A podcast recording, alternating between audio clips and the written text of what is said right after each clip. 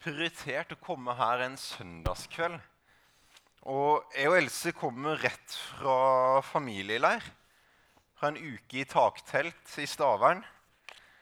Eh, på lys og salt. Og det har vært fantastisk godt å være sammen med mennesker som ønsker å peke i samme retning. Og da er det ikke bare et møte en søndag, men så er det morgenen etter, og så er det ettermiddagen, og så er det kvelden. Og så gjør det noe med hjertet vårt. Når vi sammen kan få lov til å høre Guds ord, prate sammen om Guds ord, peke hverandre i en retning. Jeg håper at den kvelden her kan være en sånn en kveld. Og Uansett litt hvilke forventninger du kommer med, så kan du senke skuldrene litt. Her står jeg med gulp over T-skjorta, og Else skulle lede lovsang, men Elia vil ikke sove. Jeg er kanskje litt trøtt i øynene etter en uke på leir, men vi er familie. Og vi ønsker å gå i retning av Jesus. Og det er ikke de tinga rundt som har så mye å si. Men det er om vi åpner opp hjertet vårt for det Gud har lyst til å si i kveld. Så vi begynner med å be. Takk, Jesus for at du er den første og den siste. For at du er den som har skapt alt. Og på grunn av du så er alt blitt til Jesus. Takk at du sendte din sønn for å dø på et kors for at vi skulle få liv. Og takk, Jesus, for at du en dag kommer igjen. Og nå ber vi Jesus om at du skal komme med din Hellige Ånd og vise oss Jesus. Amen. Dere skal få lov til å bli med meg på hjemmeleksa mi i sommer. I bibelgruppa vår så har vi gått igjennom deler av Bibelen. Og så kom jo aldri gjennom Nytestamentet, så vi hadde Johannes' åpenbaring igjen. Så vi tenkte kan vi ikke lese den, gjennom den i løpet av sommeren? Og så prater vi om den første samlingen til høsten. Og så begynte jeg å, å lese i den etter vi prata om det for ca. to uker siden. Og så har den første setningen bare stått ut for meg. Og jeg tror nesten hver dag så er jeg blitt minnet på den setningen, som begynner sånn. Dette er Jesu Kristi åpenbaring, som Gud ga ham for at han skulle vise sine tjenere det som snart skulle skje. Og Johannes' åpenbaring handler selvfølgelig om det som snart skal skje. Men i hovedsak så handler den om åpenbaringa av Jesus Kristus. Jeg vet ikke om du får opp den powerpointen uh, der. Og Én ting er at den handler om Jesus blir åpenbart. Men den handler om han som eier hele åpenbaringa. Og så har jeg begynt å tenke tilbake. Alt handler jo om å få en åpenbaring av Jesus. Og så tenkte jeg tilbake i mitt eget liv. Det er jo bare det som har gjort at jeg har tatt steg i tro. Den første åpenbaringa jeg kunne tenke tilbake på, var rundt kjøkkenbordet der jeg satt og gjorde lekser. Og så stilte mamma et spørsmål. Åssen kan jeg egentlig vite at jeg er frelst?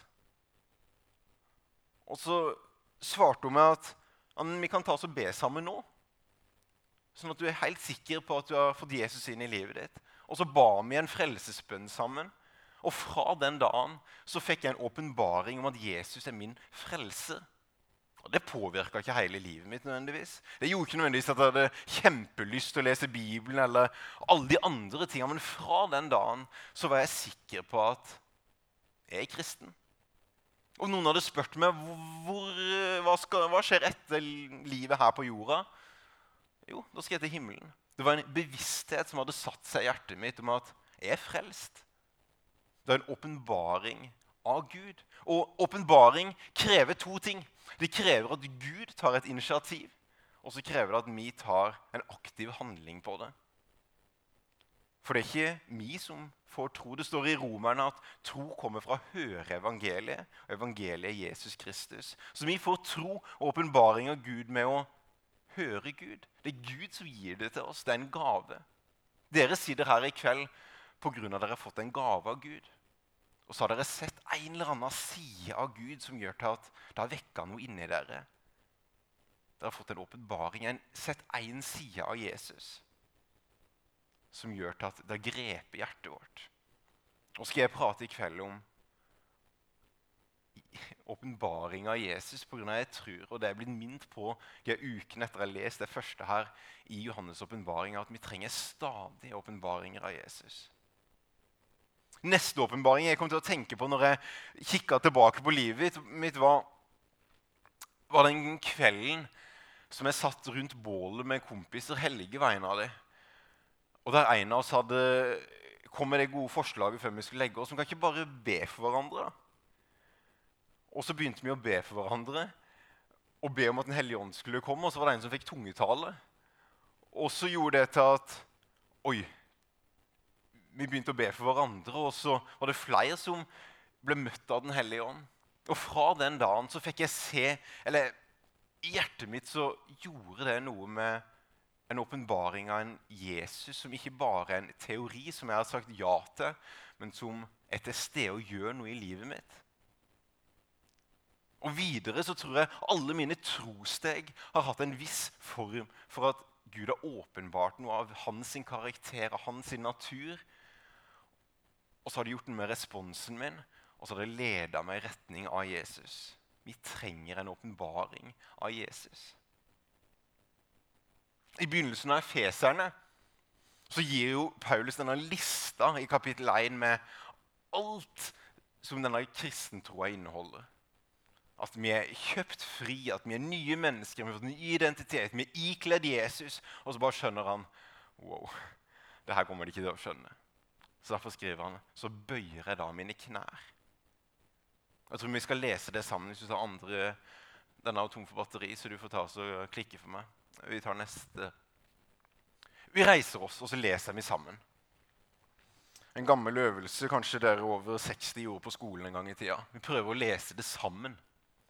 Jeg ber om at vår Herre Jesu Kristi Gud, herlighetens Far, må la dere få en ånd som gir visdom og åpenbaring, så dere lærer Gud å kjenne. Må Han gi dere lys i hjerters øyne, så dere får innsikt i det håp han har kalt dere til, hvor rik og herlig hans arv er for de hellige, og hvor overveldende hans kraft er hos oss som tror. Jeg Kan få lov til å sette dere igjen. Er ikke det fantastisk? Han skjønner at det her er ikke noe vi bare griper med å se på det. Det er noe som Gud må åpenbare for oss. Den uka som jeg har vært på leiren, nå, så har det fantastisk god undervisning og jeg har lært mye.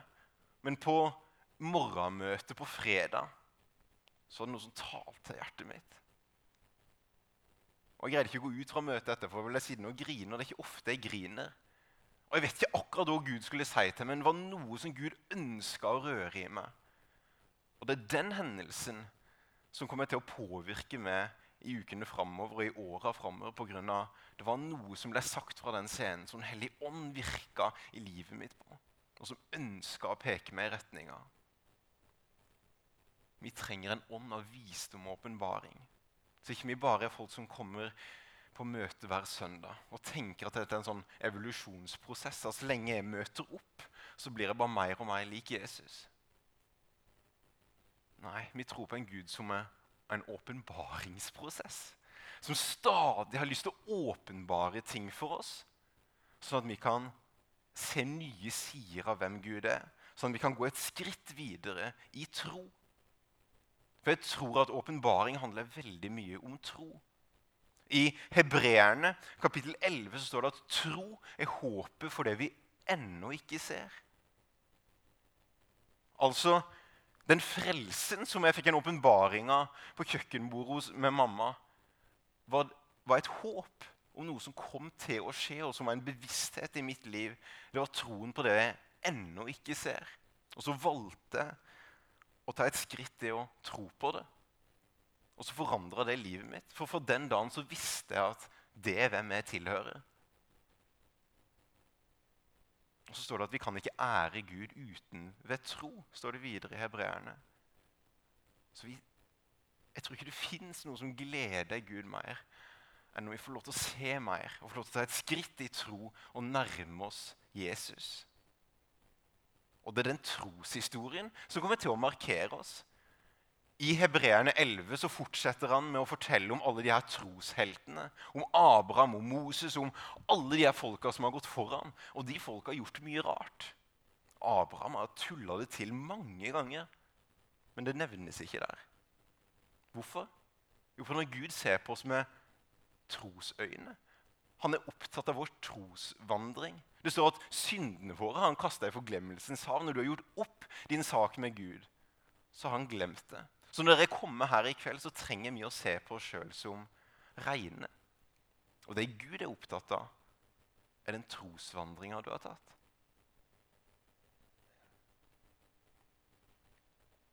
Ta oss og gå videre. I biblioteket i London så vi en, eh, så er det et eget rom til en bok. Og det er Codex Sinitcaticus, som er den boka som vi fortsatt bruker for å oversette Bibelen vår. Det er altså det fulle dokumentet av, den, av, av, den, av Det nye testamentet. Og under der så står det at dette er en juvel med en uendelig verdi. Og jeg synes Det er et fantastisk bilde på Guds ord. Det er en juvel med en uendelig verdi pga. den åpenbarer Han som har en uendelig verdi. Den åpenbare Jesus. Så når vi skal få nye åpenbaringer av hvem Jesus er, så kan det være gjennom mennesker. Det kan være gjennom vår vandring, det kan være gjennom opplevelser vi har. Men først og fremst så er det i samsvar med Guds ord. Det er det som åpenbarer Jesus. Så når vi begynner å lese her i Johannes' åpenbaring Dette er Jesu Kristi åpenbaring som Gud ga ham for at han skulle vise sine tjenere det som snart skulle skje.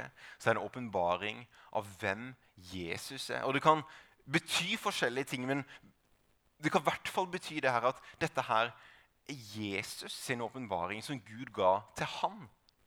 Så hvis du ønsker å se mer av Jesus, så handler det ikke om å bare lese mer i de kristne avisene, eller lese mer om de pastorene du liker å følge, eller de nye podkastene. Men det handler om å se at den boka her er en åpenbaring av Jesus.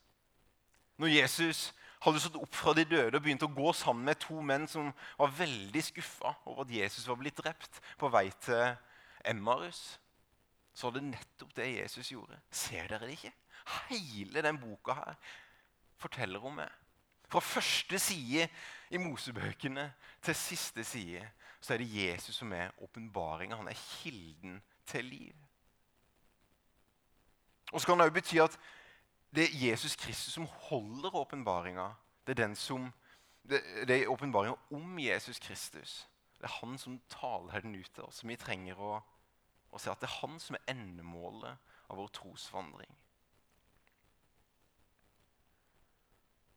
en ny, når jeg, jeg kikker tilbake på, på, mitt liv, det, men hvilke steg er det jeg har tatt? da? Så kom det en ny hendelse i livet mitt.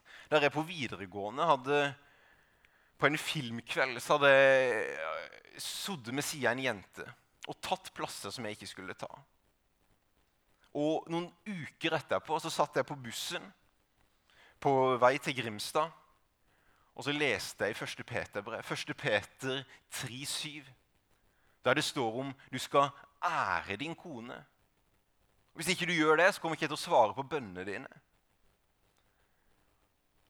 Og så fikk jeg en åpenbaring av Guds renhet. Jeg bare skjønte at det her er alvorlig. Jeg kan ikke tulle med, med dattera til Gud. Hun som han elsker og er pappaen til. Og så åpenbarte det en side med Gud som er har forandra mitt liv etter det og vært enormt viktig videre. Gud er en hellig Gud. Du tuller ikke med det der. Og så måtte jeg gå tilbake og gjøre noe av det mest pinlige jeg har gjort. Dunke på døra og fortelle at jeg måtte be om tilgivelse for det. Vi trenger stadig å få åpenbaringer av ulike sider av hvem Gud er. Du kan se på det neste bildet. Denne juvelen hadde jeg holdt opp en juvel her sånn, så hadde alle dere av dere sitter med ulike vinkler til juvelen, sett ulike aspekter av den. Eller falsetter av den juvelen. Og sånn er det med Jesus. Når vi leser Bibelen, når vi er sammen i et kristent fellesskap, så får vi hele tida sett nye falsetter, nye sider og nye ting som nærmer oss Jesus. Da Jesus åpenbarer det for oss, så har vi et valg. Velger vi å ta konsekvensen av det?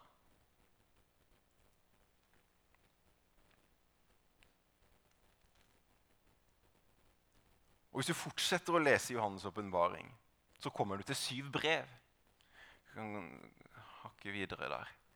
Og Det er syv brev skrevet av Jesus. Vi tenker ofte at, at Det nye testamentet inneholder 14 brev av Paulus og syv brev av noen andre. Men egentlig inneholder det syv brev til, som er håndskrevet av Jesus. For det står i begynnelsen at dette er Jesu Kristi åpenbaring som Gud har gitt til Jesus. Og så ble det vist til Johannes på øya Patmos. Og de breva er brev som er til historiske kirker. Dette var kirker som Johannes hadde vært med å starte, og som han var pastor for. Så det er absolutt, som vi må lese med historiske øyne, hva var det i samtida som, som, som Jesus prøvde å si, til dem? Men så tror jeg det er aktuelt for alle kirker. For det står for det står at det er skrevet til alle kirkene i området. skulle være et rundskriv. At når dere er ferdig med å lese det, så, så send de videre. Så derfor tror jeg at de her er aktuelle for oss som sitter 2000 år seinere. Så vi skal gå gjennom de, de breva der. Og kanskje er det noe som du blir minnet på at ah, Kanskje er dette noe vi ser i vår kirke. Kanskje er dette noe som vi kan jobbe mot. For jeg tror alle kirker kan kjenne seg igjen i noen av sine av de breva. Og så tror jeg de er personlige. I slutten av hvert brev så står det 'Dere som har ører'. Hvor mange her har ører? Jeg håper det er samtlige.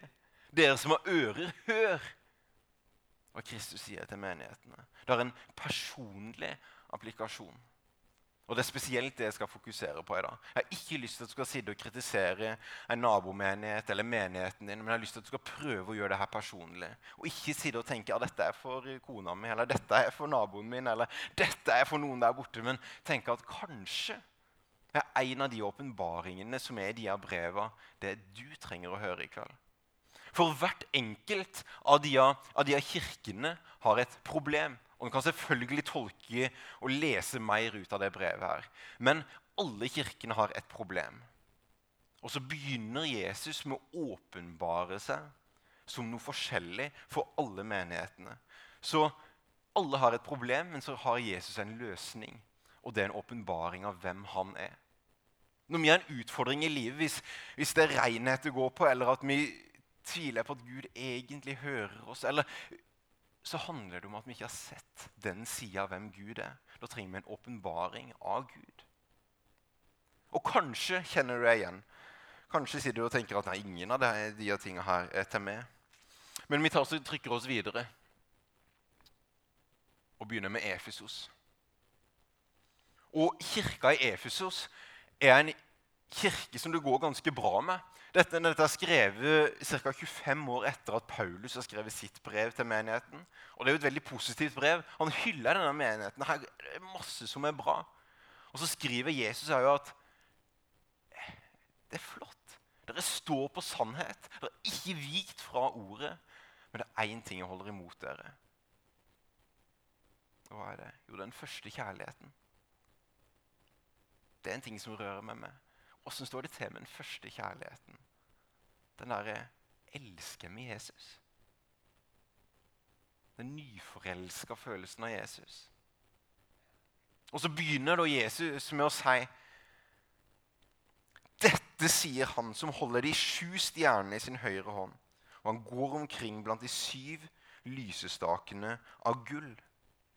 Og Rett over så forklarer han sjøl hva de syv lysstakene det er de sju menighetene. Så hvem er Jesus? Jo, det er han som går omkring og blant menighetene. Det er han som går gjennom benkeradene her. Og Når vi får en åpenbaring av at Jesus er til stede, så gjør det noe med vår første kjærlighet. Hvis jeg våkner om morgenen og tenker Gud er her så gjør det noe med åssen tanker jeg våkner med. Hvis jeg sitter i en samtale og jeg tenker Gud er denne samtalen, han har lyst til å bruke meg i denne samtalen, så gjør det noe med åssen samtale jeg har. Men til stadighet så mangler jeg en åpenbaring av at Gud er til stede. Gud er her.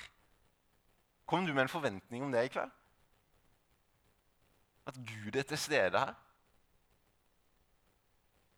Jeg nevnte det på et søndagsmøte, men i 1922 så kom biskopen med, fra Aberdeen med, Han samla alle kirkelederne i hele Skottland. Og så fortalte han at da gikk han gjennom, brukte en time på å forklare urkirka og gi en oppsummering av det teologiske om hva urkirka sto for. Så sa han skal jeg forklare den første kirke, de 300 første åra, med tre ord. Så var det Gud er her. Det var trosbekjennelsen de sine i begynnelsen. Han er oppstanden. Og så svarte menigheten ja, sannelig, han er oppstanden. Det var derfor de samla seg. Ikke pga. Gud hadde gått til himmelen, men pga. Den hellige ånd hadde kommet ned igjen og var til stede. Gud var der. Gud rørte med mennesker på en sånn måte at folk ble frelst. Det skjedde noe i det samfunnet med troende som gjorde at samfunnet rundt ble forandra. For Gud var til stede. Det var ikke en ideologi de fulgte, men de fulgte en person. Og så sa han at skal jeg oppsummere kirka i Skottland, så må jeg bruke fire ord. Gud er ikke her. Og jeg tror ikke det handler om at Gud ikke var der. For det er et løfte man. Når vi kommer sammen i Hans navn, der to eller flere er samla i Hans navn, så er Han midt iblant oss. Men noen ganger så glemmer vi å forvente det. Og noen ganger trenger vi at Den hellige ånd åpenbarer for oss. Er til stede når du legger deg, når du står opp, når du går på jobb, når du er i kirka. Gud er her. Det gjør hele forskjellen, det. Og så har vi menigheten i Smyrna.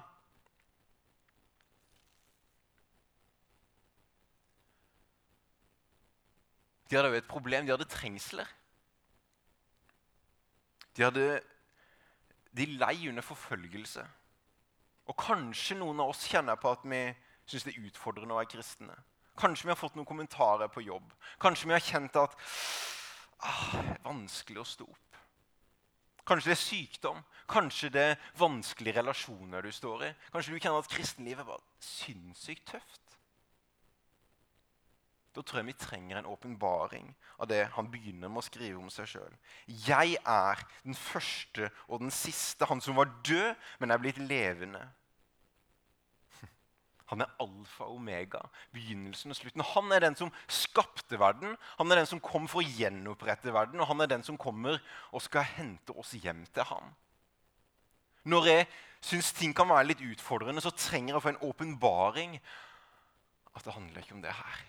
Er bare en pilegrim. Dette er bare midlertidig. Jeg lever for det evige.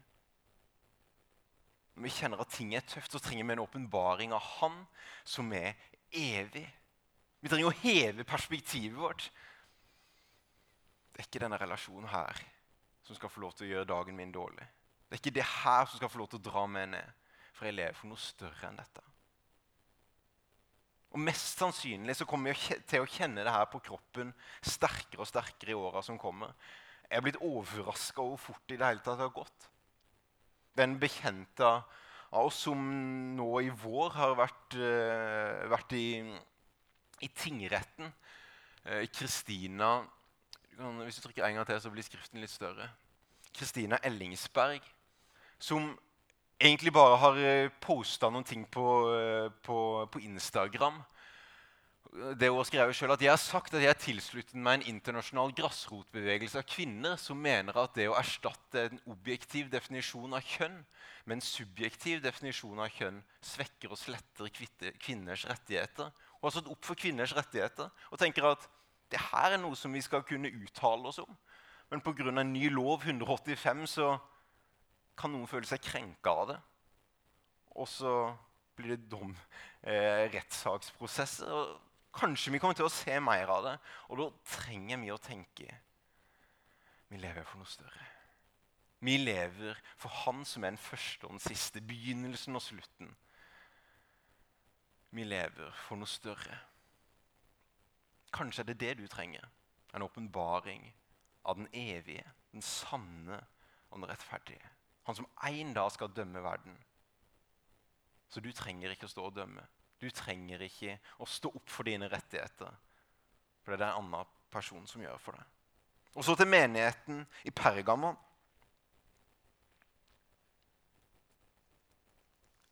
Her står det at de har vranglære i menigheten. Dette har jeg imot deg. Du har hos deg noen som holder seg til Biliams lære.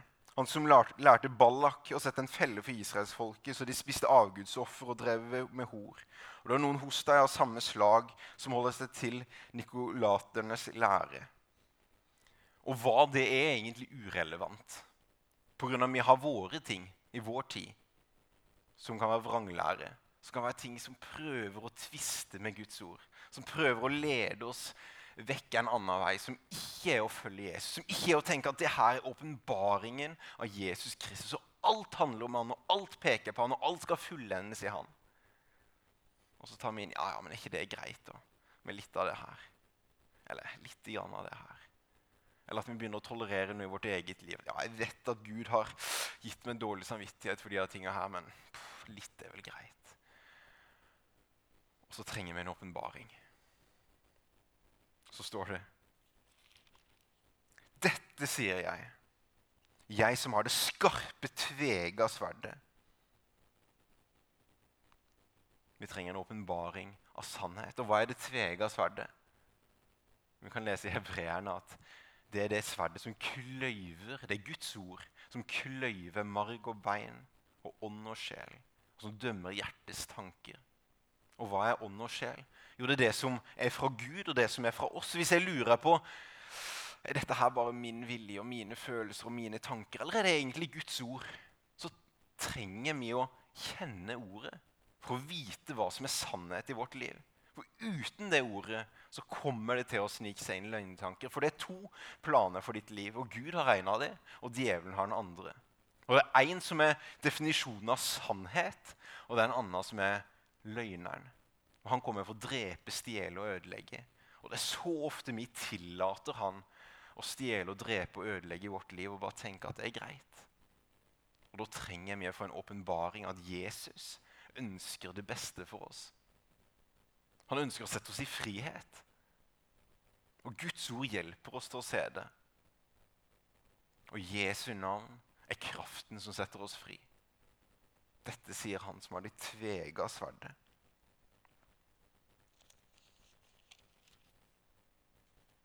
Så til menigheten i Teatria.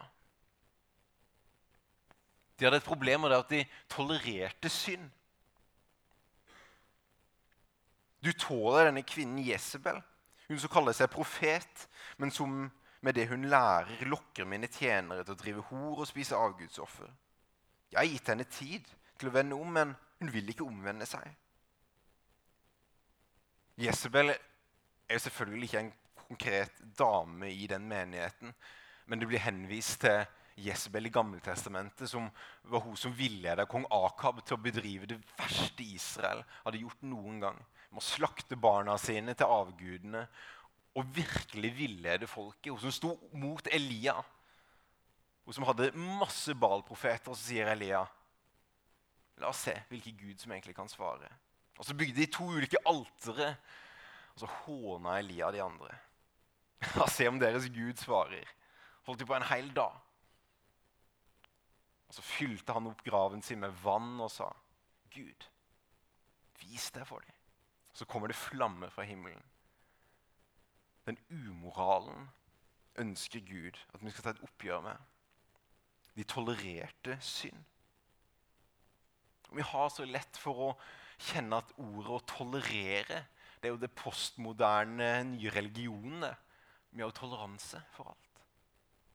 Vi skal virkelig respektere mennesker. Vi skal heie på mennesker, og vi skal tro på mennesker uansett hva de gjør. For Gud elsker alltid mennesker. Men vi må ikke tolerere synd. Begynne å godta at synd sniker seg inn i livet vårt. For det begynner Vi trenger da en åpenbaring.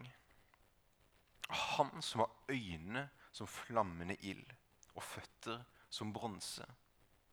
Den majestetiske Gud som en dag skal komme igjen. Det er det bildet som brukes av Gud i himmelen, som skal være vår dommer en dag.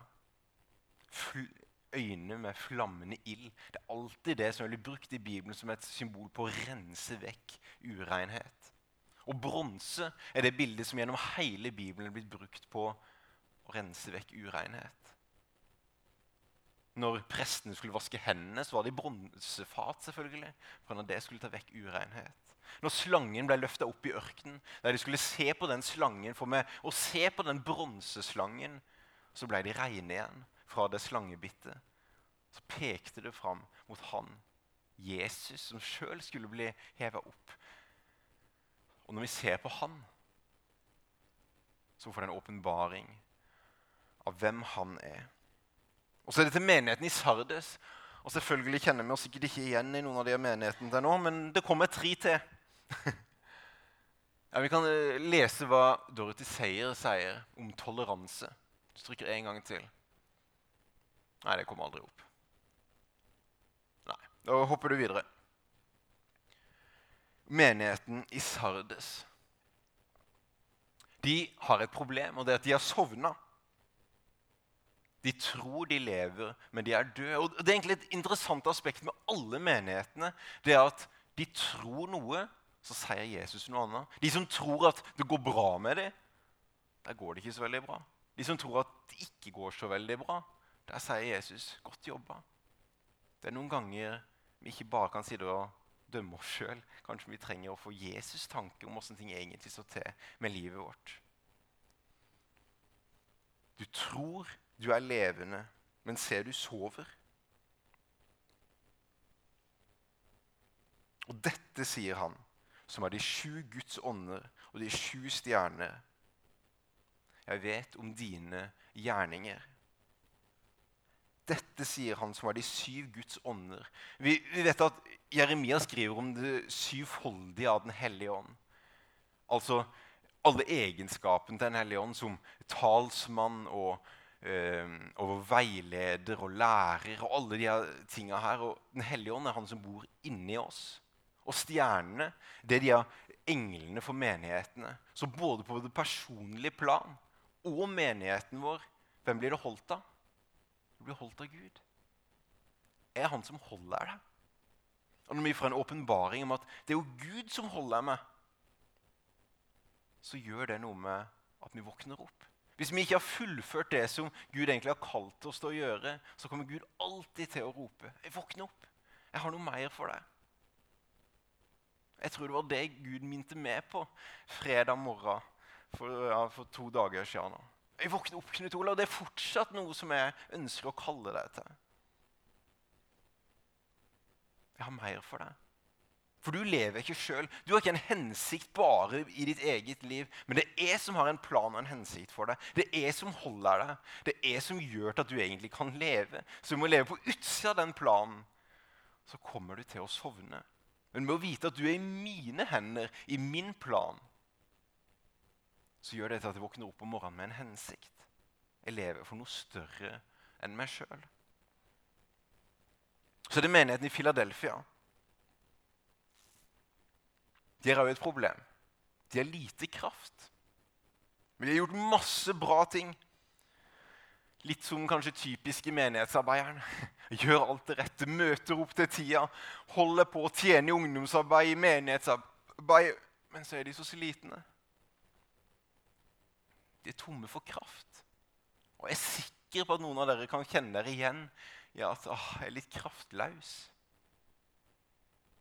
Da trenger vi en åpenbaring av Han som er Dette sier den hellige og sannferdige, han som har Davids nøkkel, han som åpner der ingen kan stenge, og stenger der ingen kan åpne.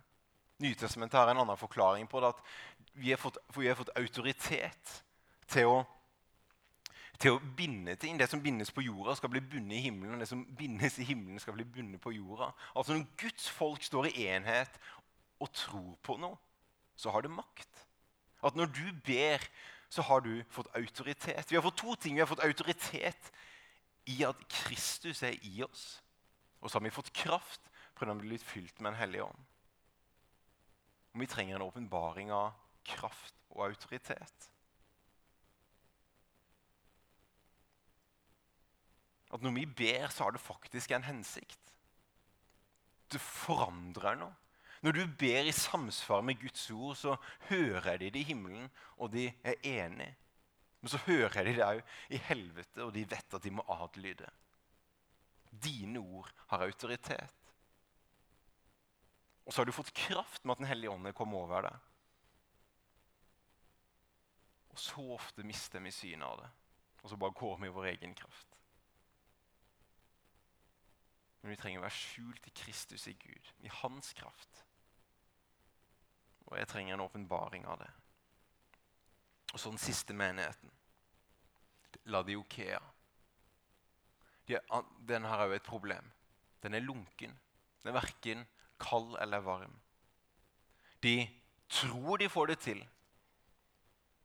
Men Gud har lyst til å, Jesus sier at han har lyst til å spytte det ut av min munn. I 2. Timoteus så står det at i de siste tider så skal det være sånn at de har en form for gudsfrykt, men de skal fornekte dens kraft. Har så lett for å gjøre de riktige tinga, se fine ut utad, men glemme at det er Jesus det handler om. Det er Jesus alt peker mot.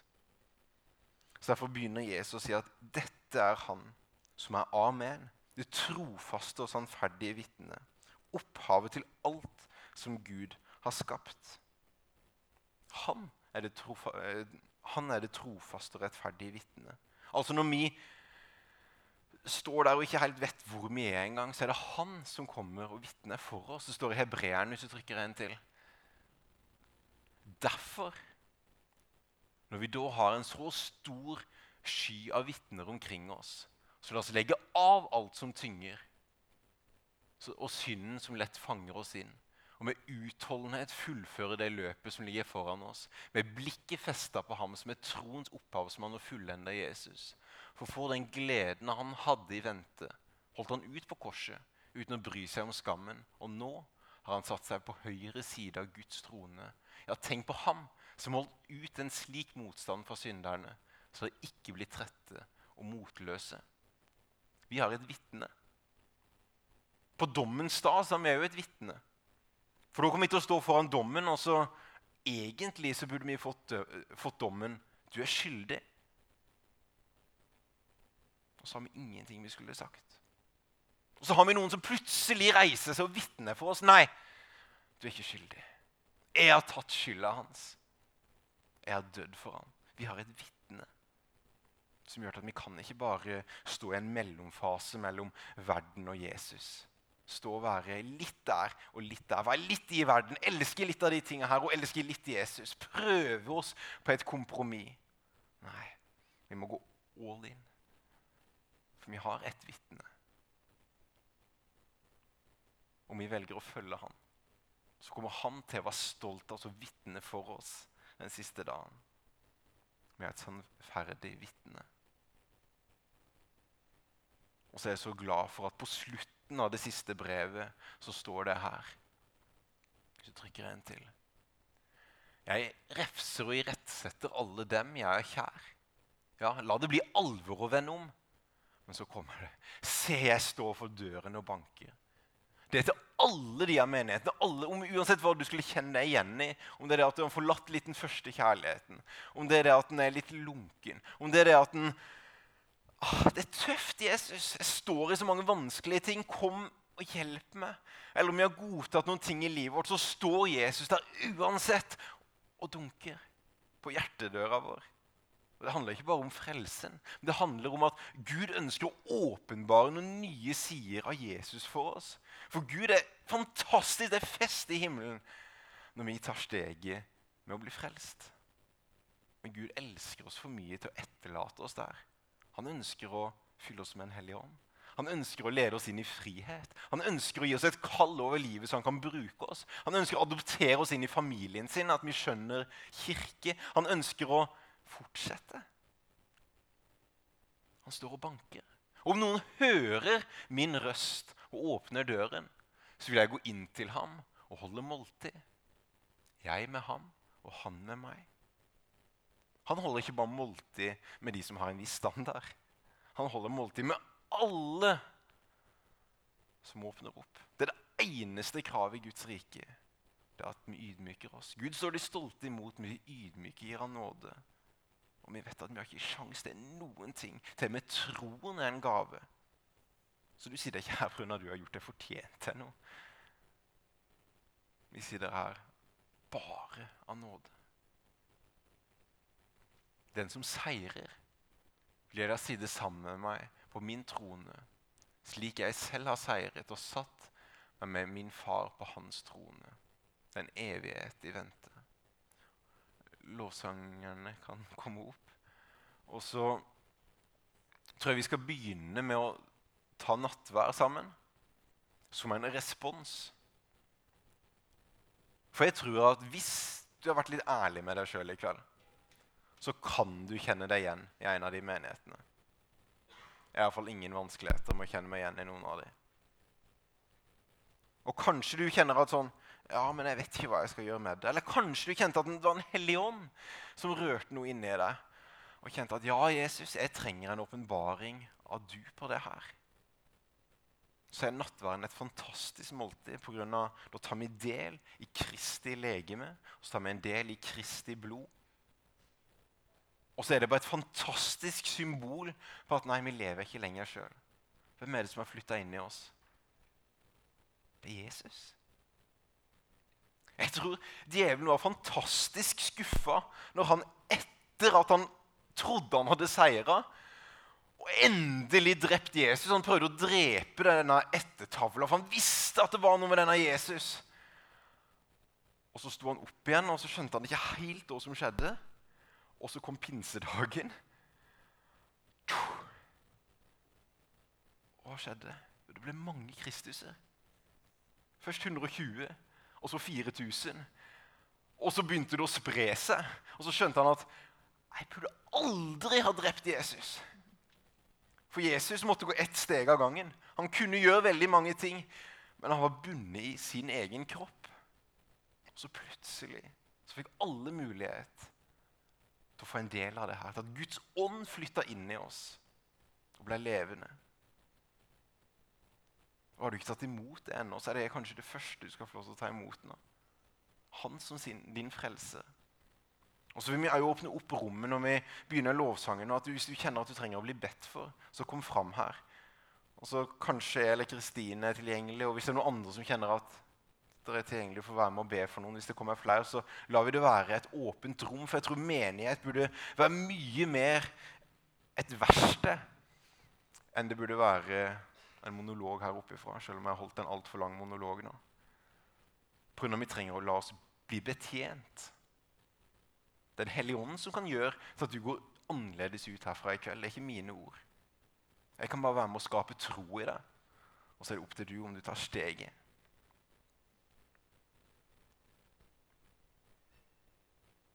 Så vi tar og